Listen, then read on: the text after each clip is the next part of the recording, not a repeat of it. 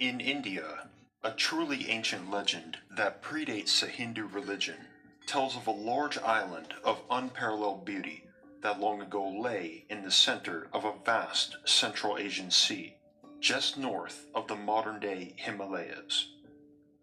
A race of godlike people with strange powers lived isolated on the island, uncommunicating with the outside world, except through a number of deep tunnels which stretched out in all directions, each hundreds or thousands of miles long, burrowing underneath whole continents and even oceans. On this isolated island, society flourished at an extraordinary rate. Science and the arts developed peacefully, never threatened by wars or epidemics, remaining purposefully hidden to protect their wealth of knowledge from the calamities that habitually plagued their brothers and sisters in the outside world. But a tremendous force was soon to befall the earth, and even this utopia was doomed to destruction if they stayed their place. Perhaps a great flood or an invading force of epic proportions. The exact reason is not known. But the story tells that the people of the island escaped by moving their society into those tunnels and rebuilding their civilization entirely underground. No longer an island, but a subterranean kingdom, leaving no trace on the surface but the entrances to their tunnels, most caved in over thousands of years. For the purposes of our investigation, this lost empire will be known as Agartha. The hidden paths to Agartha that survived are still said to exist in the ancient ruined cities of India, such as Ellora, Elephanta, and the Ajanta caverns, as well as in other countries, such as in the recess of Afghanistan, in the Hindu Kush. This legend of the island is particularly strange because, if taken absolutely literally, obviously there is no ocean north of the Himalayas, but instead the Taklamakan and Gobi deserts. But if we took a trek into the arid, weather bleached peaks of Everest, K2, or Kanchenjunga, you may be advised not to trip over the countless fish bones, coral reef remnants, and fossils of sea lilies littered across some of the tallest peaks. It's a lesser known fact that the mighty Himalayas, often called the roof of the world, were once underwater, and that was the Tethys Sea, before the massive geological event known as the continental drift took place, and India collided into Eurasia. But what about those tunnels that supposedly stretch across the world? Why do parallel myths of gods or godlike people living in vast underground cities, protected from calamities above, appear in traditions and cultures across multiple continents, from Africa to America to Asia? Tracing its roots back to the dawn of civilizations and perpetuated by the men who, through eyewitness testimony, have claimed to have visited the lost civilization themselves within the inner earth. I'm Mr. Mythos, and I welcome you to Truth or Lore. Be sure to subscribe if you love the mysteries of history like I do. Every sub is a massive support to the videos I make on my channel. The concept of Agartha is deceivingly simple. An inner earth kingdom linked to every continent of the world by means of an extensive network of tunnels. But our investigation is not an easy one. For such an expansive and archaic topic that is typically skewed with conspiracy theories, the truth of a genuine inner earth civilization that may still exist today remains in obscure documents, the riddles of Buddhist lamas, and the lost teachings of a so called cult of Agartha, all of which we'll be exploring in this video. And of course, tunnel mythologies across the globe.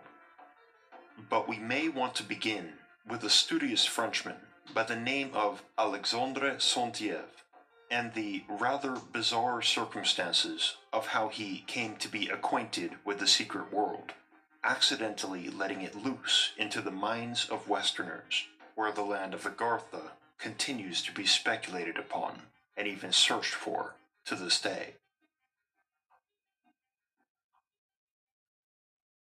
Alexandre Saint-Yves today is an enigmatic, almost unknown figure, but in the 19th century, the writings and teachings of this respected philosopher and occultist paved the foundation of French esoteric tradition, and this was largely due to his unquenchable curiosity for the mysteries of the world. Having gained much wisdom learning ancient Hebrew for his breakthrough work, Mission of the Jews, Saint-Yves was keen to deepen his understanding of the world and unlock more secrets through the even older language of Sanskrit, ancestor to all modern Indo European tongues. And in 1885, he hired a teacher. Through a mutual connection, Saint-Yves was introduced to a man who called himself Prince Harji Sharif, an impressive scholar who supposedly left India after the Indian Rebellion of 1857 and set up shop in France as a bird seller and professor of the Oriental languages. His true origins, however, are hazy. It is long thought that Harji was actually Afghan and perhaps went under a pseudonym. Nonetheless, the surviving manuscripts of their lessons, preserved in the library of Sorbonne and written in exquisite script, prove that he was highly learned in what he taught and likely nobility. The mystery of Agartha was actually planted in the title of their very first lesson together.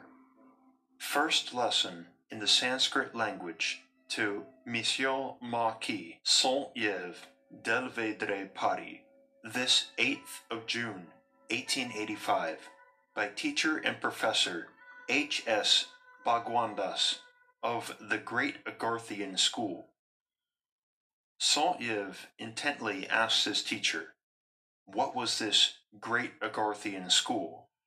Only to receive vague answers and continue on with the lesson. But the French occultist didn't give up easily.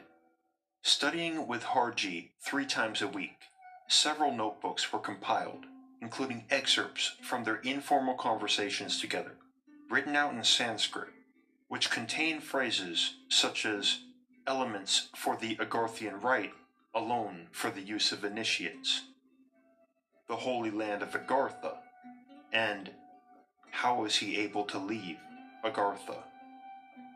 Over the course of their lessons, it becomes clear that Harji did talk at length with Saint-Yves about some land of Agartha and its mysterious protector, the Master of the Universe who was in many ways a spiritually and physically superior being to any other in the world. Whatever Agartha truly was, this realm was supposed to preserve great wisdom and ancient knowledge, most notably to Saint-Yves, a secret 22 letter script known as Vatanian, which Harji told him went all the way back to the origins of civilization, precisely 51,900 BC, the confusion of the languages, and since then had been kept solely within the protected libraries of Agartha. If you watched my last video on Enochian, you'll know that Vatanian is another example of a proposed primordial or Adamic language. Harji could write this strange language as fluently and beautifully as his French and Sanskrit. For Saint-Yves, who had long obsessed over the secret and sacred roots of language, Harji wrote his student's name in Vatanian characters, with a side note. Here, according to your ardent desire, but really you are not yet sufficiently prepared for Vatanian. Slowly and surely. very likely without his teacher's knowledge. Saint-Yves had amassed extremely detailed notes from his time with Harji Sharif and compiled them into a book entitled Mission of India in Europe, Mission of Europe in Asia. This work is, without a doubt, the first thorough description of Agartha in the Western world. Pay close attention, as these details will be important when we cross compare with other sources. According to Saint-Yves, the hidden land of Agartha lies deep below the surface of the earth, somewhere in the mountain ranges of the Himalayas. This enormous underground complex of cities and a population of millions is ruled by a sovereign pontiff known as the Brahmatma and his two colleagues, the Mahatma and the Mahanga, upholding the highest of values in their authority. As protectors of knowledge, the entire collected wisdom of the ages is enshrined in its massive stone libraries, engraved in pillars in Vatanian script. He goes on to reveal that the Agarthian civilization was once above ground, but driven under and concealed from the rest of the world at the onset of the Kali Yuga, the present Dark Age cycle of Hindu chronology, around the year 3200 BC. Agartha is prophesied to reveal itself to the surface once again, but only once the world above attains spiritual balance in our governance. Long has this hidden civilization enjoyed advancement of technology at a greater pace than our own, including gaslighting, railways, and air travel. And when describing one of their most prominent technologies, Saint-Yves accurately predicts fiber optics over one century before their invention. He describes, quote, electrical pathways, not made of steel, but of flexible glass, which do not imprudently deplete the carbon reserves of the planet, nor saddle it with an iron framework no less conducive to the spread of some cosmic plagues. Though Agarthian society flourishes largely in complete isolation, they keep careful record of the discoveries of modern man, even from the remotest regions, by means of a vast network of tunnels that span across Earth.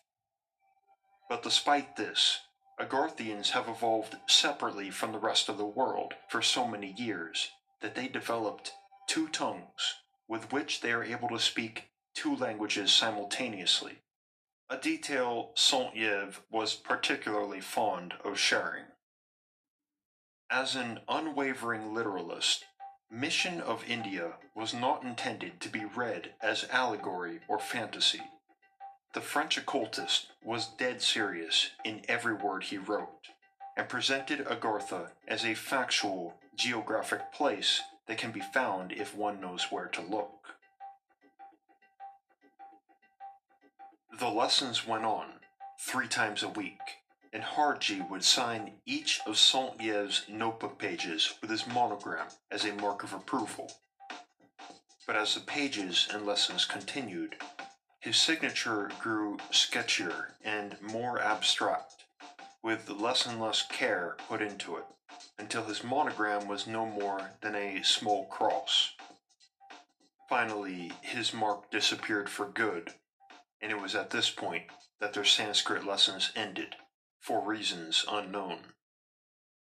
At this same time, hundreds of copies of Saint-Yves' Mission of India had been printed and were ready to be distributed across France when he suddenly withdrew the book and ordered every copy to be burned. The only remaining was a manuscript in his personal possession, and this probably would have been lost to oblivion but Saint-Yves, who had no children of his own, left his belongings to his stepchildren, who then passed it on to the famous French occultist, Dr. Jean Encausse, better known as Papus. When Papus published Mission of India in 1910, he omitted several parts of the manuscript which remain lost to this day. There have been various theories put forward as to why Saint Yves ordered the destruction of his precious work. Some sources state that he acted under the orders of the great Agarthian school, as the wisdom revealed would not be understood, and publishing it would be like casting pearls before swine. While others go as far as to say that he was threatened with the dagger of the initiates if he were to reveal the secrets of Agartha. Regardless of the true reason, the public revelation of Agartha was ultimately withheld during Saint Yves' life, but there is evidence that he remained true to his belief in the lost civilization. For example, he mentions Agartha and his three rulers by name in his epic poem from 1890, Joan of Arc Victorious. In his conversations with psychical researcher Alfred Erny in 1896, he stated many details of Agartha just as they appear in his book, and again insisted on their existence. Finally, he mentions Agartha in veiled terms in the major work of his final years, The Archaeometer.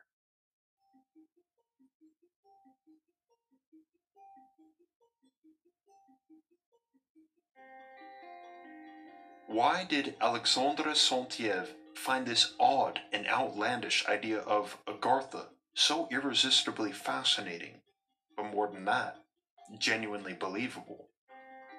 We can take a guess that during his previous period of learning the Hebrew language and studying the Jewish tradition of Kabbalah for his work, Mission of the Jews, he came across the ancient revelation that not only was the Garden of Eden, an actual physical utopia located on Earth, but more accurately, deep within the planet, and could be reached by traveling through a cave.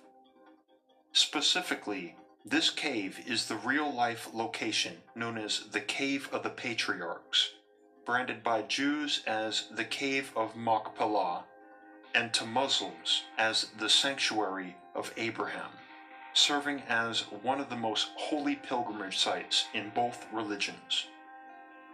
Stated clearly in the Zohar, the foundational work of Jewish Kabbalah, as well as in other ancient sources from the region between Israel and the Dead Sea, the Garden of Eden should indeed be thought of as an inner earth kingdom.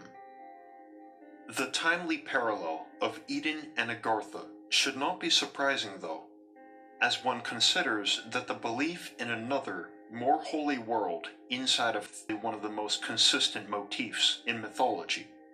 I can hardly begin to count the number of ancient cultures which allude to the inner realms of Earth, if not an entire civilization that resides there.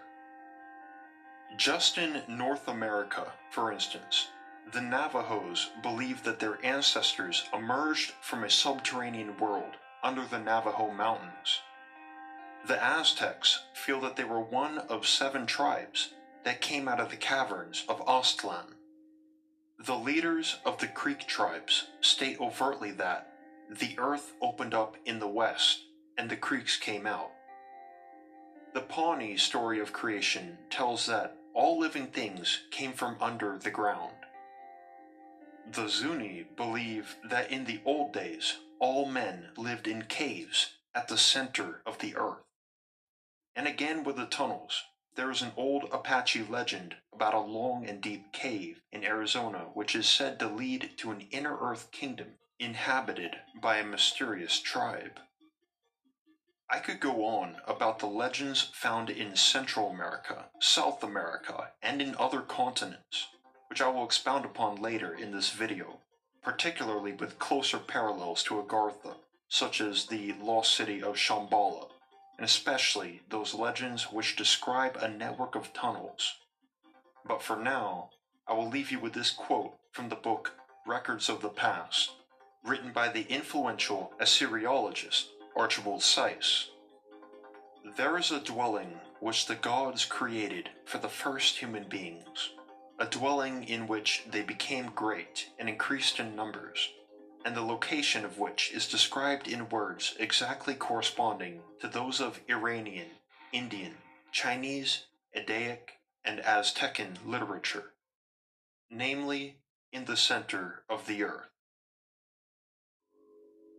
Saint-Yves' second-hand account of Agartha probably would have been forgotten as a wild romp of the imagination if it weren't for a Polish scientist named Ferdinand Ossendowski, who, in 1922, published the book Beast, Men, and Gods, an account of his escape into Central Asia, fleeing from the Bolsheviks in the aftermath of the Russian Revolution. Dr. Ossendowski stated that during his travels in Mongolia, there were many times when both men and beasts stopped in their tracks, silent and still, often crouching, fixated on the ground. He wrote, quote, Earth and sky ceased breathing. The wind did not blow, and the sun did not move. All living beings, in fear, were involuntarily thrown into prayer and waiting for their fate. Eventually, he asked an old Mongol shepherd who he had become acquainted with what was happening in these moments. Thus it has always been, the shepherd explained. Whenever the king of the world, in his underground palace, prays and searches out the destiny of all peoples on the earth. Though the shepherd did not give a name for this place, he stated that there live the invisible rulers of all pious people, the king of the world, or Brahitma, who can speak with God as I speak with you, and his two assistants, Mahitma, knowing the purposes of future events, and Mahinga, ruling the causes of those events. He knows all the forces in the world and reads all the souls of mankind and the great book of their destiny. This story stuck with Dr. Ossendowski throughout his journey, and he would frequently stop to speak with Buddhist monks and lamas about traditions associated with caves, caverns, and tunnels in the region. On multiple occasions, a name for the place was given the Kingdom of Agarti, which he himself dubbed the Mystery of Mysteries. This underground source was said to channel miraculous power to Tibetan monks and the Dalai Lama in particular, powers that outsiders could scarcely begin to appreciate. But still, there existed an even more powerful man than the Dalai Lama. This man in Agar's power was such that he could destroy whole areas of the planet at will if he chose to, and it could equally be harnessed, for instance, as a means of propulsion for vehicles of transport. Modern readers of Ossendowski point out that his 1922 recounting is a possible prediction of nuclear energy, such as the atomic bomb and nuclear powered aircraft, a real technology today which is still considered too dangerous for civilian use. There are many obvious parallels in Dr. Ossendowski's account and that of Saint-Yves. Most notably, the notion of a hidden subterranean kingdom named Agarti and its triple spiritual authority known as the Brahitma, Mahitma, and Mahinga, which are slightly altered spellings or pronunciations of Saint-Yves, Agartha, Brahmatma, Mahatma, and Mahanga. At first glance, we may be inclined to think that Ossendowski simply plagiarized Saint-Yves, who wrote Mission of India 36 years before Ossendowski's account was published. This would be the obvious case, if not for a few factors. First, Dr. Ossendowski kept a daily journal and even brought back many items from his travels through Mongolia thus providing evidence that his journey actually occurred. Second, he was investigated by the French philosopher and Vedic scholar René Guénon, who wrote that, quote, he has affirmed to us that he had never read Saint-Yves, whose name was even unknown to him before the French translation of his book. And for our part, we have no reason to doubt his sincerity. Guénon, however, was not satisfied with his investigation and contacted his Eastern colleagues for more information, which he eventually compiled two years later in his book, The King of the World, which examined the legend of Agartha specifically. Compellingly, Guénon stated that, independently of the evidence offered by Ossendowski, we know through other sources that stories of this kind are widely current in Mongolia and throughout Central Asia, and we can add that there is something similar in the traditions of most peoples. And he again affirmed that Dr. Ossendowski's charge of plagiarism is wholly unfounded. Over those two years of independent research, Guénon had been informed of a vast underground network of caverns and tunnels, some running for hundreds of miles, which were thought to eventually lead to a true center of world governance, a place described very much like the legend of the island, surviving the ebb and flow of civilizations and catastrophes on Earth by remaining hidden deep underground, an impenetrable vault of all of history's knowledge and wisdom. Near the end of his book, Guénon debates the ontological question of whether Agartha is a true to life geographic location, or perhaps simply a metaphorical concept. Here he brings up a point that is often associated with Vajrayana Buddhism, which is that their concepts have both an inner and outer meaning. The inner, of course, implies that of deep understanding and spiritual attainment. The outer, however, plain and simple, is the notion that it actually physically exists, and in this case, a powerful and ancient kingdom hidden under the surface of the earth. Even if we decide to discount the writings of Guénon, Ossendowski, and Saint-Yves, believe it or not, there are actually three independent sources for Agartha, proving that this concept and name was not an invention of 19th century Western occultists. The first definite independent source is the manuscripts of Prince Harji Sharif, written before he met Saint-Yves, making them the only concrete evidence that the term Agartha comes from an Eastern origin. The second independent source is a book written by the historian Louis Jacolliot in 1873, 12 years before Saint-Yves began his Sanskrit lessons, making this the earliest verifiable mention of the subterranean kingdom. Jacolliot, a magistrate in Chandernagore, South India for many years, had an insatiable thirst for collecting sacred texts and tales from the East and sharing them with the Western world. And in 1873, he wrote of a city of the sun known as Asgartha, which was ruled by successive Brahmatras, ancient Indian priest kings, until a conquest by an invading force threatened the land 10,000 years ago. Two years later, in 1875, he expanded on his account of Asgartha, for the first time implying that it was hidden underground.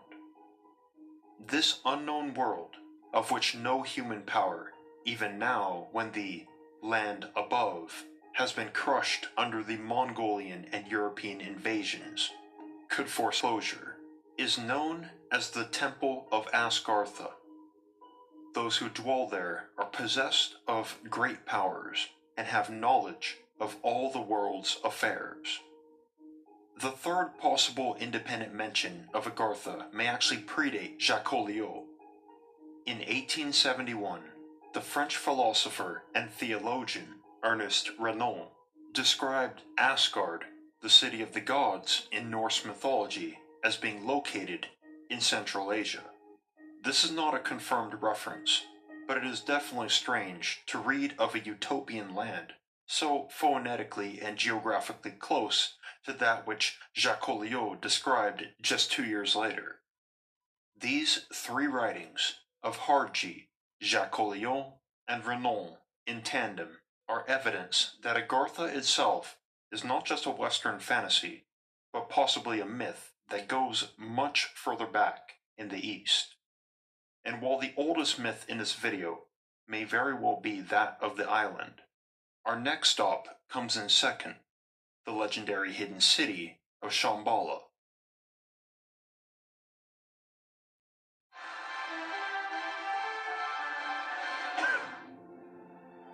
Het mooiste moment wil je niet missen door een hoest. Bij elke hoest Bisolvon 2 in 1 met honing, weegbree en tijm. Effectief bij een droge en vastzittende hoest. Ook suikervrij. Bisolvon, geen moment verloren.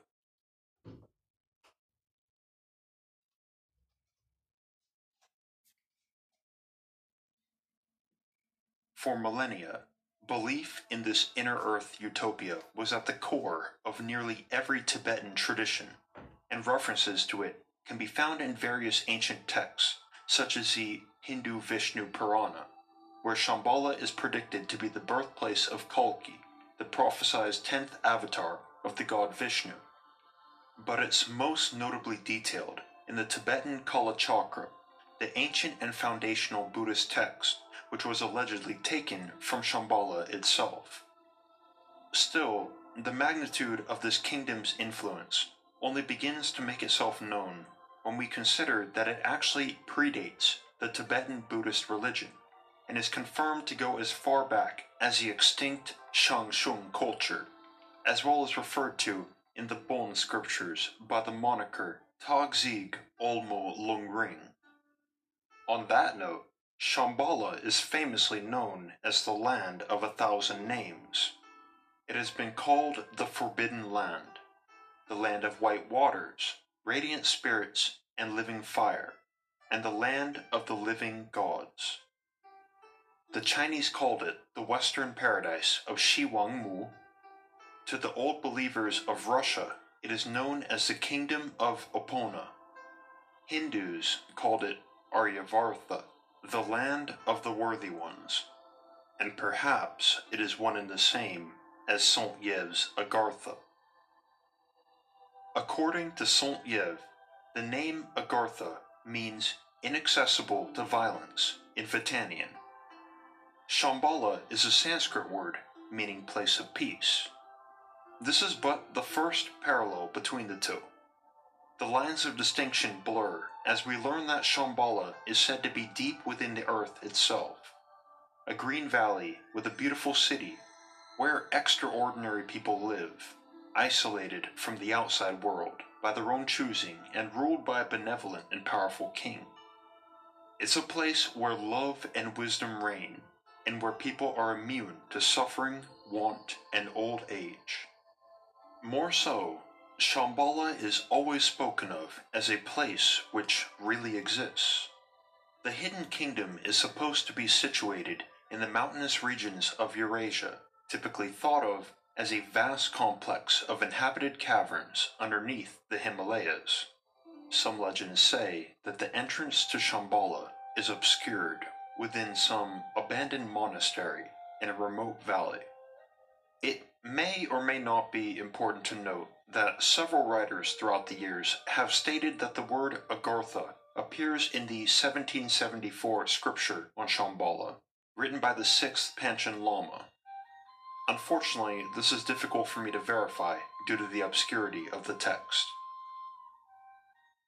Perhaps the most significant popularizer of the myth of Shambhala in the West was the controversial Russian occultist and philosopher Helena Blavatsky, who studied in Tibet under the tutelage of Buddhist lamas from 1868 until late 1870, and eventually traveled through Asia in search of information about Shambhala, and particularly its connection to the legend of the island north of the Himalayas.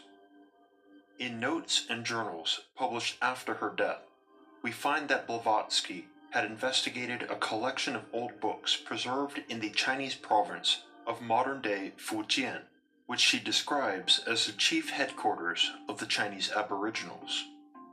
There, many ancient texts regard the region of Tibet as the great seat of occult learning in the Archaic Ages, inhabited by teachers of light, sons of wisdom, and brothers of the sun, these terms referring to those versed in the esoteric doctrine taught by the residents of the sacred island.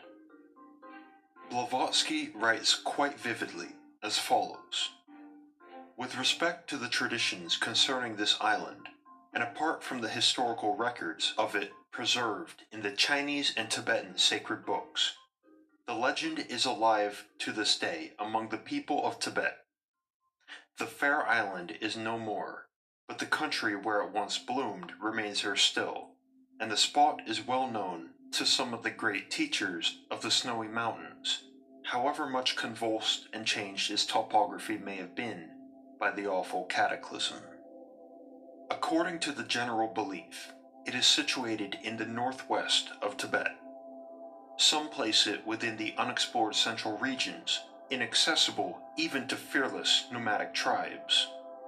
Others hem it in between the range of the Gongdise Mountains and the northern edge of the Gobi Desert, south and north, and the more populated regions of Kunduz and Kashmir, of Gya Feling, British India, and China, west and east, which affords to the curious mind a pretty large latitude to locate it in.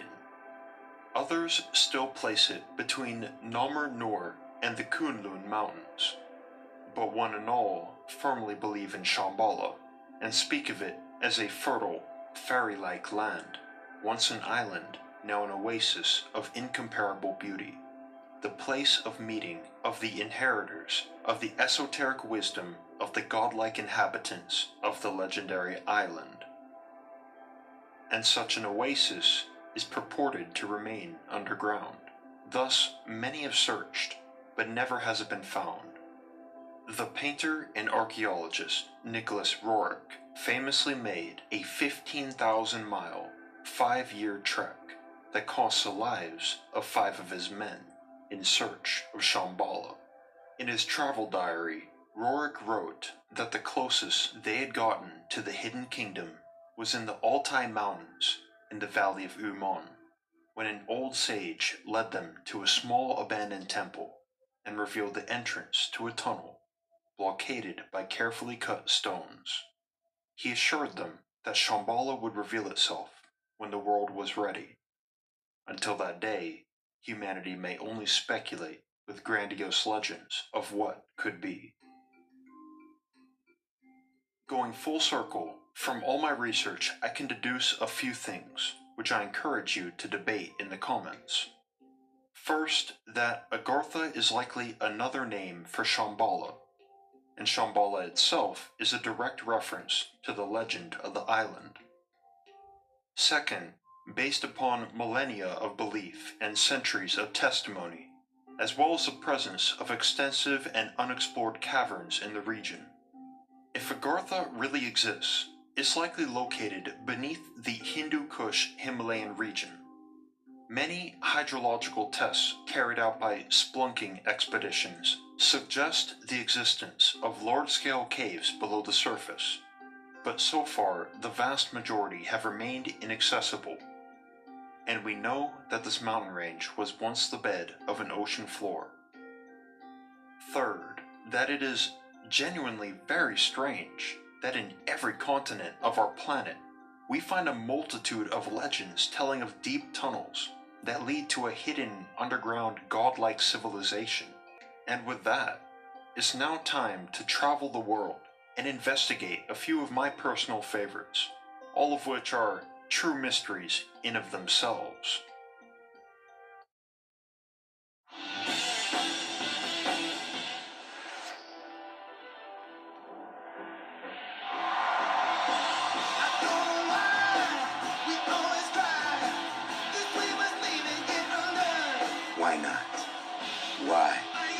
De parfum.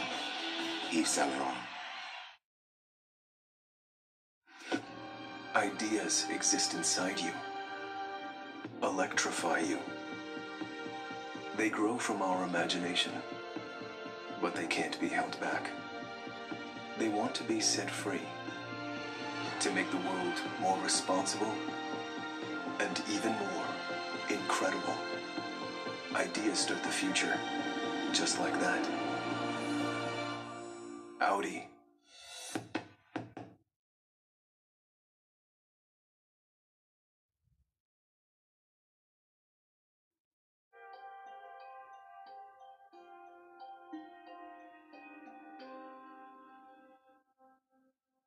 we return back to the Cave of the Patriarchs, the supposed gateway to the inner earth realm of the Garden of Eden. In this cave, many artifacts have been recovered that are thousands of years old, though no one has been able to venture deeper than the first few chambers. Like the Egyptian pyramids, it's thought that there are many hidden chambers and passageways that are yet to be discovered. The chambers that are currently known were found by removing boulders and blockages, and one room was revealed by removing a specific square stone that was marked differently than others near it. Because of the Cave of the Patriarchs' religious significance, access to the caves themselves are almost always barred, even to archaeologists, and it's only been during times of political turmoil, such as for a brief period after the Six Day War, that we've been able to explore and gather artifacts from the caves. Sealed, one by a metal grate which is then covered by a dome, and the other is blocked by a large stone. We really have no idea how deep this cave goes. In Mayan mythology, there is an underground realm known as Xibalba, the land that the sun goes down into, which is inhabited by godlike people, their civilization supposedly vanishing before recorded history. The Maya's sacred narrative, the Popol Vuh, describes actual structures and locations said to be part of Xibalba, and places its entrance in Guatemala. Today in Guatemala, an astonishing 500 miles of tunnels have been mapped underneath the Mayan pyramid complex known as Tikal. There remains a mystery of how half a million Mayans escaped the decimation of their culture. And modern researchers believe the key lies in these tunnels. In Mexico, 11 subterranean stone temples and an ancient underground road have been found. And in May of 2020, archaeologists discovered a secret tunnel 10 meters underneath the Pyramid of the Moon in Teotihuacan using subsurface imaging technology. No one has been able to enter the tunnel yet or even find an entrance, and its true extent and purpose remain unknown. In Egypt, ancient historians made a number of references to a network of passages connecting the major pyramids, the Sphinx, and other underground locations. In particular, a colossal underground city of 3,000 chambers, lavishly decorated, known in Egyptian legends as the City of the Gods. In the 5th century BC, the Greek historian Herodotus wrote the following There I saw twelve palaces regularly disposed, which had communication with each other, interspersed with terraces and arranged around twelve halls. It is hard to believe that they are the work of man. The walls are covered with carved figures, and each court is exquisitely built of white marble and surrounded by a colonnade. Near the corner where the labyrinth ends, there is a pyramid, 240 feet in height, with great carved figures of animals on it, and an underground passage by which it can be entered. I was told very credibly that underground chambers and passages connected this pyramid with the pyramids at Memphis. This claim was backed up 500 years later with a matching account from the Greek historian Strabo. Yet this city of the gods remains unfound. It's a fact that the Giza Plateau has an enormous underground system that is a combination of man made tunnels, natural caverns, and subterranean rivers, which have been continuously discovered and mapped since 1978. And in ancient times, Giza was known as Rostau, which literally translates to mouth of the passages, a direct reference to the entrance of the Egyptian mythological underworld. Certainly, this is a strange one, but perhaps not as Agarthian as the next. Early Indian religions, particularly Jainism, Hinduism, and Buddhism, believed in an underground world known as Patala, which translates literally to that which is below the feet. This realm is described as being filled with splendid jewels, beautiful forests and lakes, and lovely maidens.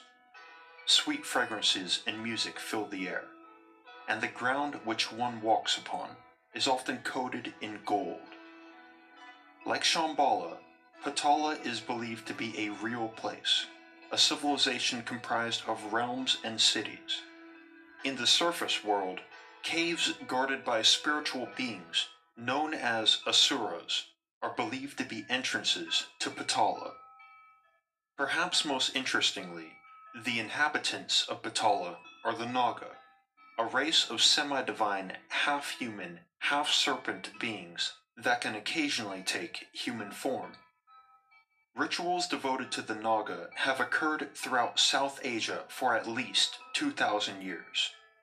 They are most often described as wealthy, powerful, and proud beings, strongly associated with water, rivers, lakes, and seas, and they are said to be guardians of treasure, both physical and intangible. Beyond India, you will find a strong belief in the Naga in countries such as Sri Lanka, Cambodia, Indonesia, Laos, Thailand, Malaysia, and the Philippines. Every one of these cultures associates the Naga with a race of snake like demigods who live underground, some going as far as to assert that the Naga are the origins of their people. We may even be able to argue that the ancient Chinese legends of dragons are references to the Naga, as they look suspiciously similar and are said to be wise and powerful creatures, the mentors of kings and the creators of kingdoms. According to Chinese mythology, most dragons live in the sky, but there are actually two races of dragons that are earthbound. The Fuzan Long which are underworld dragons who guard treasures, and the Di Long, which are earth dragons who live underground and control the flow of water. Two associations that exactly parallel the Naga. Because of this, we may hypothesize that these two beings stem from the same mythological root. And perhaps more profoundly, I think that there is a fundamental connection between Shambhala and the inner earth world of the Naga, Patala, and Agartha by association, which I haven't found discussed anywhere else during my extensive research into this subject.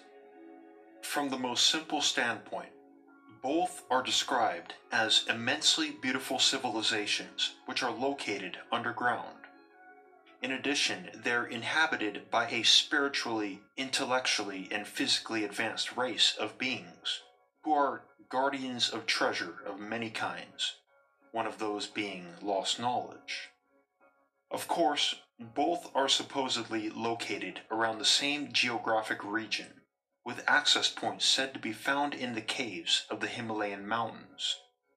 The legends for both realms, of course, are more ancient than written history can account for, and their mythology seems to seep into the canon of both Hinduism and Buddhism, Patala primarily being a Hindu concept and Shambhala being Buddhist.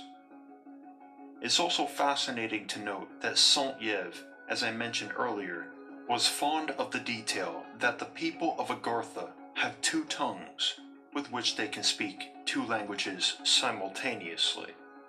When we consider the tongue of a snake, the Naga might actually be Agarthians.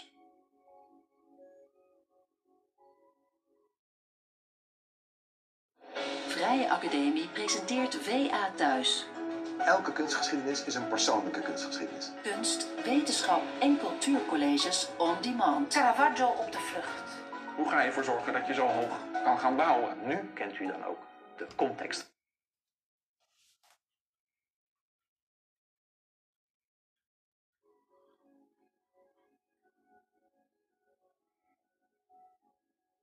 We return to the time of those fateful lessons in Sanskrit, as there is one last mystery yet to ponder.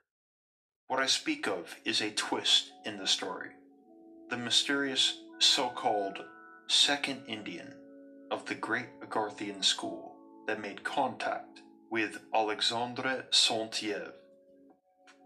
In 1935, Jean Reyor, an influential French esoteric scholar and close associate of Rene Guénon, asserted that a restrictive sect of Hindus had been searching for a suitable student of Western origin to imbue long forgotten doctrines, and had specifically chosen Saint-Yves as their ideal vessel.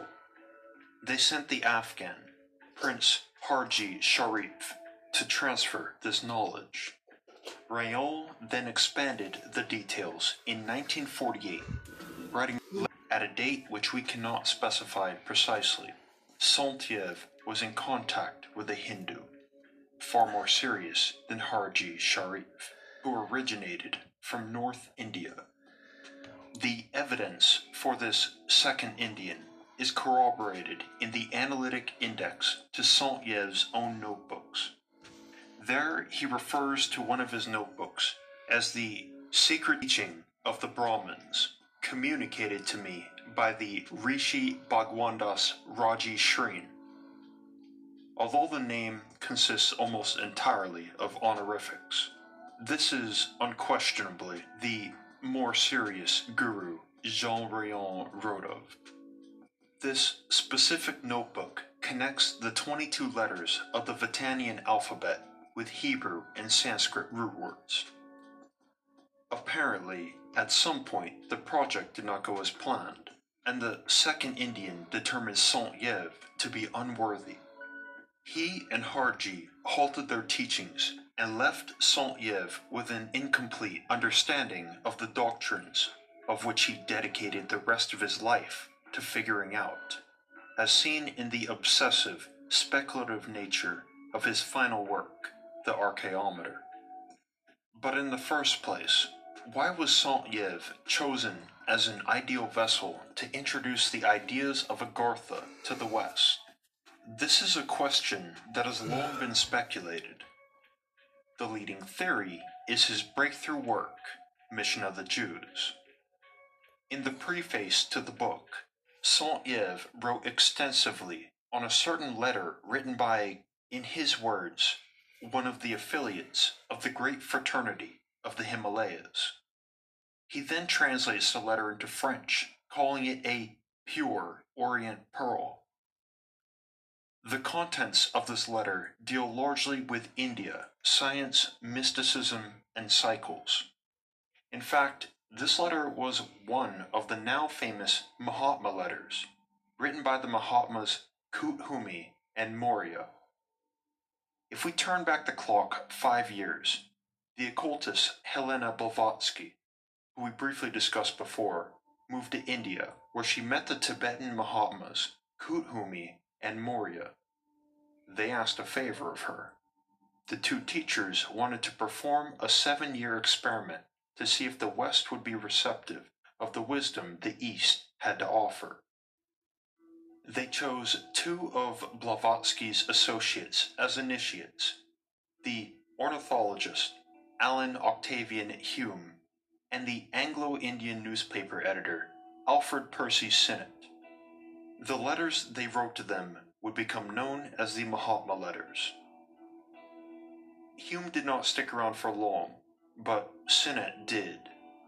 Sinnett was particularly valuable to the Mahatmas, as his job and connections as a prominent newspaper editor allowed him to publicize their philosophy. However, over time, the Mahatmas became disillusioned with how Sinnett's Western prejudices misconstrued their doctrines, and their correspondence with him ultimately ceased. This same story may be told for Saint-Yves, as he was likely chosen for his public display of sympathy toward Oriental doctrines, and his career as a writer and publicist were on the rise. Thus, it's unlikely to be pure luck that in 1885, a mutual connection introduced him to Prince Harji Sharif, who then encouraged him to learn Sanskrit study the Bhagavad Gita, had the utmost respect, but only arose to Western knowledge on two occasions.